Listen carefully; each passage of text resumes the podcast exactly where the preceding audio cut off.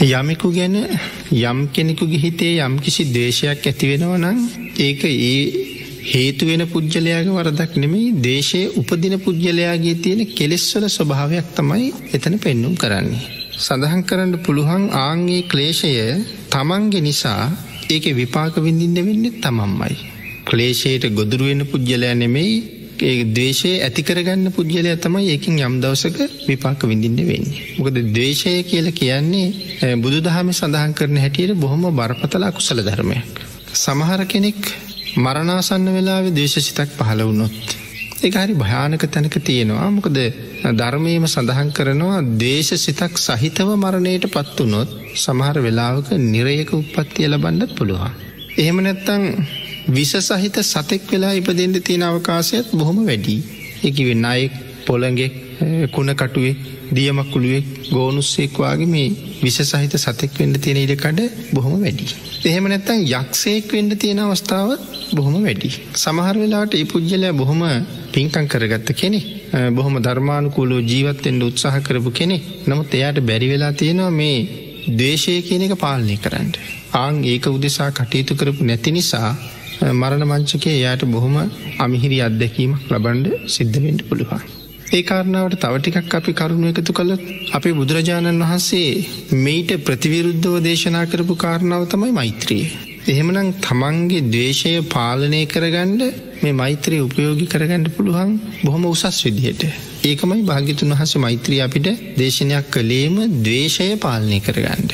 මොකද යම් කෙනෙක් හිතන්ඩ පුළුවන් අපිට අද මෙහෙම කේන්ති ගියාට ඒ වෙලාට අපිට කේන්තිය පාලනය කරගන්න පුළුවන් වෙයි කියලා. හැබැ මේ මරණාසන්න අත්දැකීම් කියන දේවල් අපි කවදාවත් ජීවිතය ලබල නැති දේවල්.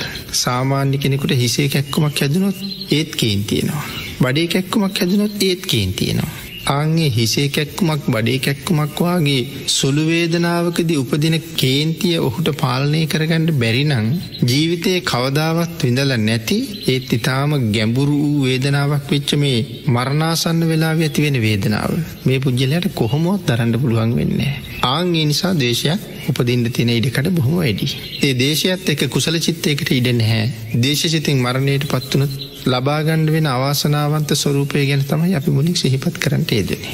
ඒ නිසා මේ දේශය කියන කාරණාව හැම වෙලාම පාලනය කරගණ්ඩ උත්සාහ කළ යුතුයි අපි අඥ්ඥානව කටයුතු කරන නිසා තව කෙනෙක් කරන වරදක් දිහා බලාගෙන කොහෙවත් ඉදර පවරැස් කරගන්නවා. එයා කරන වරදක් එයා සමාජයට කරන නොගැලපෙන දෙයක් නමුත් අපි ඒක දිහා බලාගනිදලා විවේචනය කරලා දේශ කරලා කෑගහලා පවකරගන්නවා හැබැයි අපි මෙතන පවකරගන්න බව එපුද්ගල දන්න නෑ.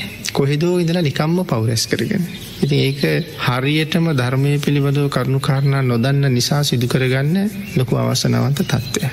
ආං ඉනිසා මේ දේශය කියන ධර්මතාවේ පාලනය කරගණඩ කෙනෙක් උත්සාහ කරනවා නම් එක තමයි හරි වටින්නේ. ඊට අමතරව තමන්ගේ හිතේ උපදින දේශය වෙන කෙනෙකුට ඉවත් කරන්නත් බෑ. එක පාලනය කරන්න ඉවත් කරගන්න කටයුතු කරන්න ඕනෙත් තමන්මයි.